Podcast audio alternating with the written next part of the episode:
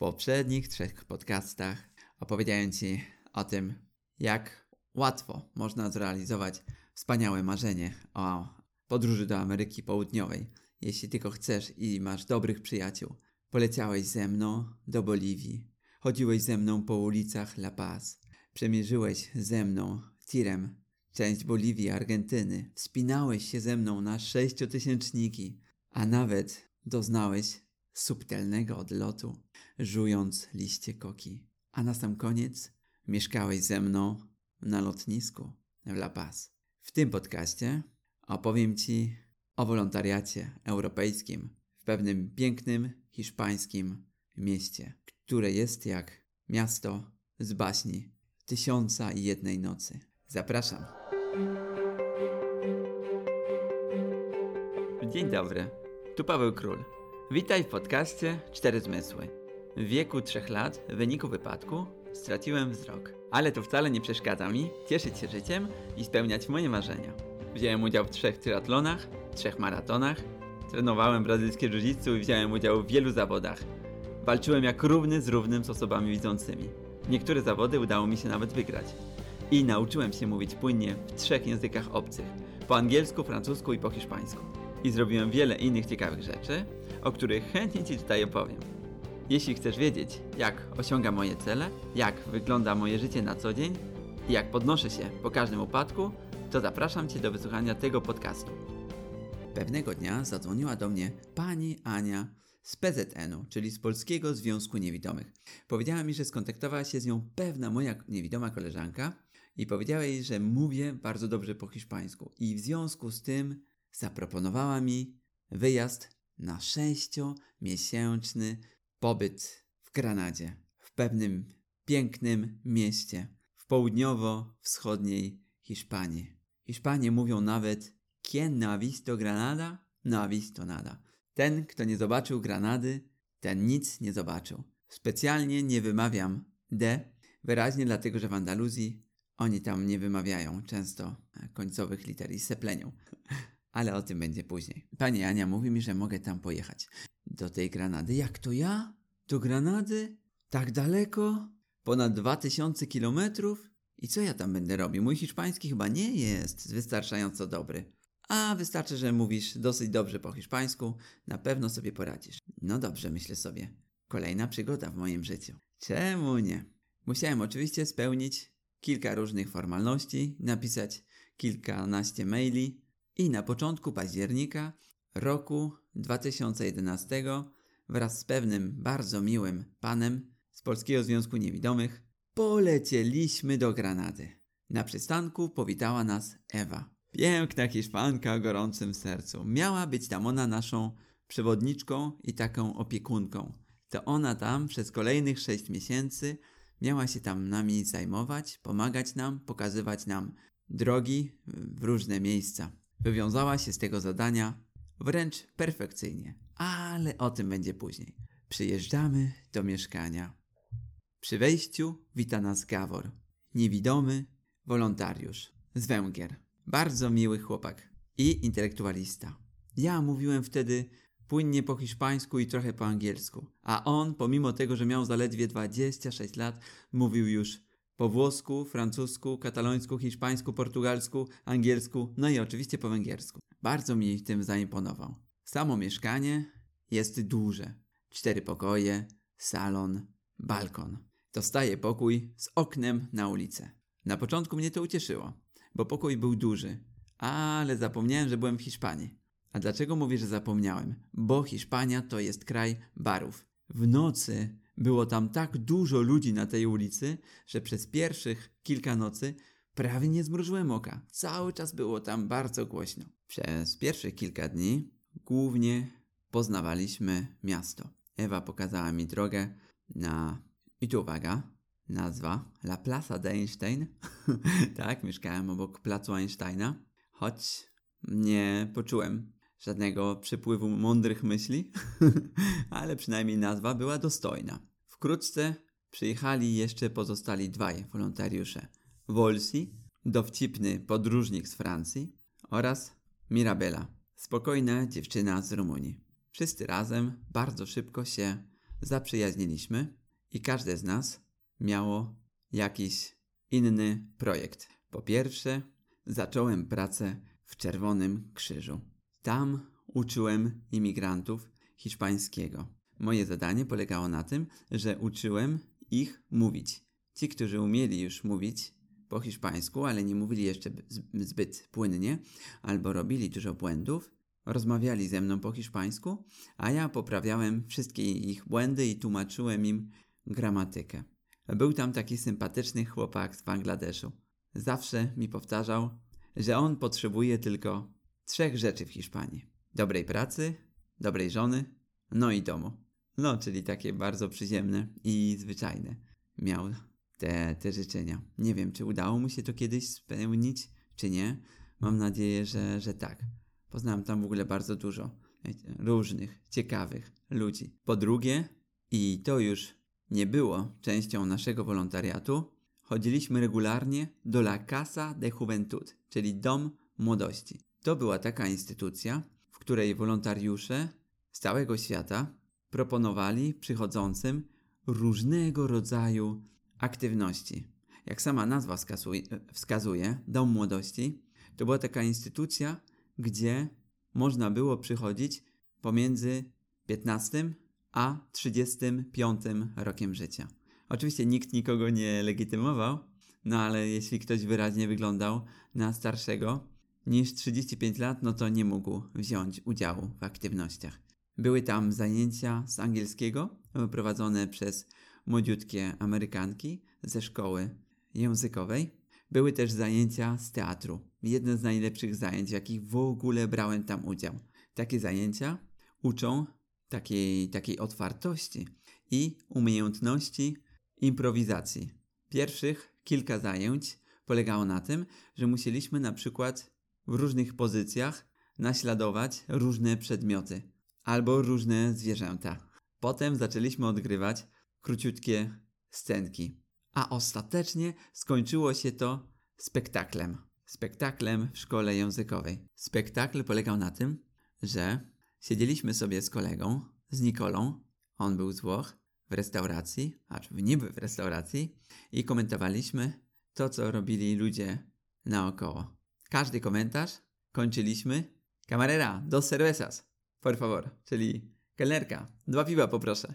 To był jedyny spektakl, w którym wziąłem udział w moim życiu jako główny bo bohater, główny aktor. I to jeszcze po hiszpańsku. Teraz opowiem Wam o samej Granadzie. Granada jest to miasto, jak już wspomniałem, położone w południowo-wschodniej Hiszpanii, w Andaluzji, w największym regionie Hiszpanii, Andaluzji. Jest to miasto, które ma około 240 tysięcy mieszkańców i jest po prostu przepiękne. Kultura hiszpańska splata się, splata, przeplata się z kulturą arabską. To bardzo widać w architekturze.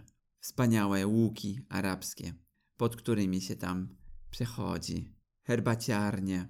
Jest ulica, przy której są tylko herbaciarnie. Wyobraź sobie, że nie widzisz i idziesz sobie taką ulicą. I z każdej strony czujesz jakiś inny zapach.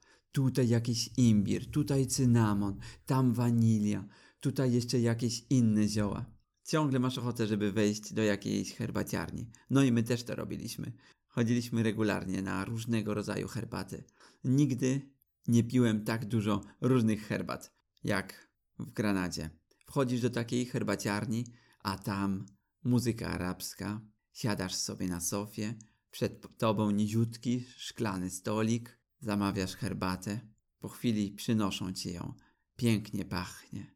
Jest w takim małym, okrągłym czajniczku. Wlewasz sobie ją do takiej eleganckiej, małej arabskiej filiżanki, a potem, potem możesz się nią delektować. Kolejnym ciekawym miejscem w Granadzie była historyczna dzielnica El Albaicin. A w ogóle dlaczego opowiadam Ci o tym wszystkim? Opowiadam Ci dlatego, że widzący ludzie zastanawiają się często, jak to możliwe, że osoby niewidome zwiedzają jakieś miasto. Co one wtedy czują? Jak to w ogóle wygląda? No więc teraz postaram się skupić troszkę nad szczegółami. Kolejnym takim pięknym miejscem Granady było El Albaicin. to była historyczna dzielnica miasta.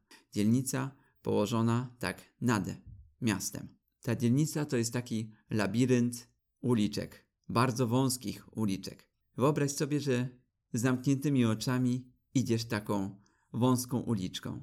I co wtedy czujesz? Co słyszysz? Po pierwsze, słyszysz, że po obu stronach są ściany. Na wyciągnięcie rąk. Skąd to wiesz? Bo dźwięk odbija się od ścian, gdy idziesz taką wąską ulicą. Im ulica jest węższa, tym ten dźwięk jest ci, jest ci bliższy. Spróbuj zamknąć oczy i przejść sobie kiedyś jakąś wąską ulicą albo jakimś tunelem. Masz wrażenie właśnie, kiedy idziesz taką ulicą, jak gdybyś był w jakimś tunelu. Po drugie, gdy idziesz taką ulicą, zwracasz uwagę na podłoże, czyli czy idziesz po jakichś płytkach, czy idziesz po asfalcie, czy idziesz po jakichś kamieniach. Wszystko to czujesz wyraźnie pod podeszwami twoich, twoich butów. Po trzecie, zwracasz uwagę na zapach. Zapach jest czymś też takim bardzo ważnym. Kiedy idziesz w takiej wąskiej ulicy, to często czujesz wyraźniej niż w, nie, w przypadku takiej szerokiej ulicy intensywny zapach jedzenia. Uwielbiałem włóczyć się nocami po tej dzielnicy, zupełnie sam. Nocami tam było pusto i choć słyszałem wiele historii o tym, jak kogoś tam okradziono albo zgwałcono, mi na szczęście nigdy nic się nie stało. No a skąd wiedziałem, kiedy byłem na przykład w centrum tej dzielnicy, a skąd wiedziałem, kiedy wracałem do miasta? Wtedy, gdy szedłem w stronę centrum tej dzielnicy, cały czas szedłem do góry, no więc mogłem poczuć, że ulica cały czas się wspina, cały czas idzie do góry. Gdy chciałem wrócić do miasta, to po prostu schodziłem, szedłem cały czas w dół. I gdy już doszedłem do większej otwartej przestrzeni, to znaczyło, że byłem gdzieś w centrum miasta. El Albaicin był taki mirador, czyli taki punkt widokowy. Taki większy plac, z którego można było podziwiać całe miasto o wspaniałej europejsko-arabskiej architekturze. Można było się tam też zrelaksować. Dużo ludzi tam przychodziło, żeby sobie pograć na gitarze. Można było ta, też tam się poopalać, bo w Hiszpanii, Hiszpanii, zwłaszcza, zwłaszcza na południu, jest zdecydowanie więcej słońca niż tutaj u nas w Polsce. Z El Albaicin można było też przejść do Alhambry.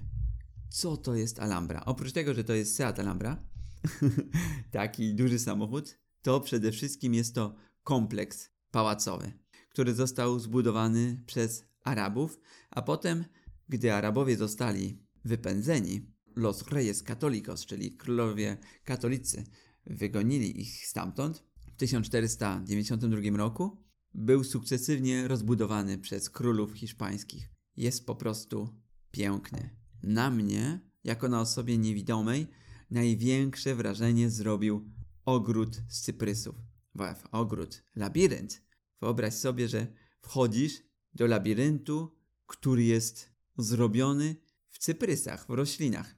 Ściany są grube, o teraz już nie pamiętam na ile, ale na kilkadziesiąt centymetrów. Wszystkie cyprysy były idealnie przycięte.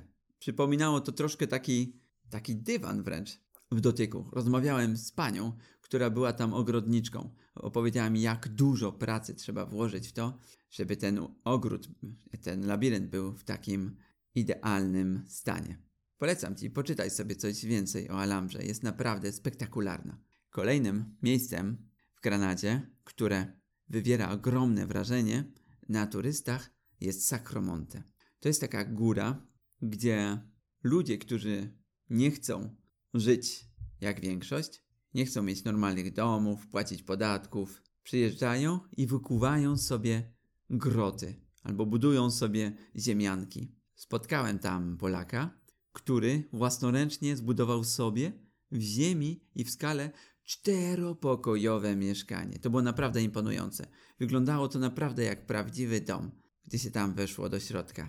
No w ogóle nie przypominało to żadnej, w żadnym wypadku ziemianki. Można było tam spotkać dużo różnych ciekawych ludzi. Zajmowali się na przykład robieniem instrumentów z drewna albo robieniem tatuaży. Niestety duża część spośród nich zajmowała się też uprawą marihuany. Ponieważ Hiszpania jest krajem znanym z tego, że jest tam wieczna impreza, opowiem Ci jeszcze o pewnym śmiesznym wydarzeniu. Pewnego dnia poszedłem z kolegą z Polski i ze Szwecji na imprezę. Weszliśmy do klubu nocnego i chciałem zatańczyć z jakąś dziewczyną. Na parkiecie, jak to w Hiszpanii, było po prostu aż gęsto. Prawie nie było się gdzie ruszyć. Metodą na ślepo spróbowałem kilkunastokrotnie zatańczyć z jakąś dziewczyną. Klepałem delikatnie dziewczyny, które były obok mnie, po ramionach. A skąd wiedziałem, że to dziewczyny? Właśnie, skąd wiedziałem, że to dziewczyny? Po pierwsze, czujesz po ubraniu. Dziewczyny raczej noszą cieńsze ubrania niż mężczyźni. Po drugie, czujesz też po skórze. Kobiety mają delikatniejszą skórę od mężczyzn. Po trzecie, czujesz też po mięśniach. Kobiety mają, są generalnie zdecydowanie drobniejsze od mężczyzn. No więc klepałem dziewczyny delikatnie po ramionach, pytając ich, ¿Quieres bailar conmigo? Zatańczysz ze mną?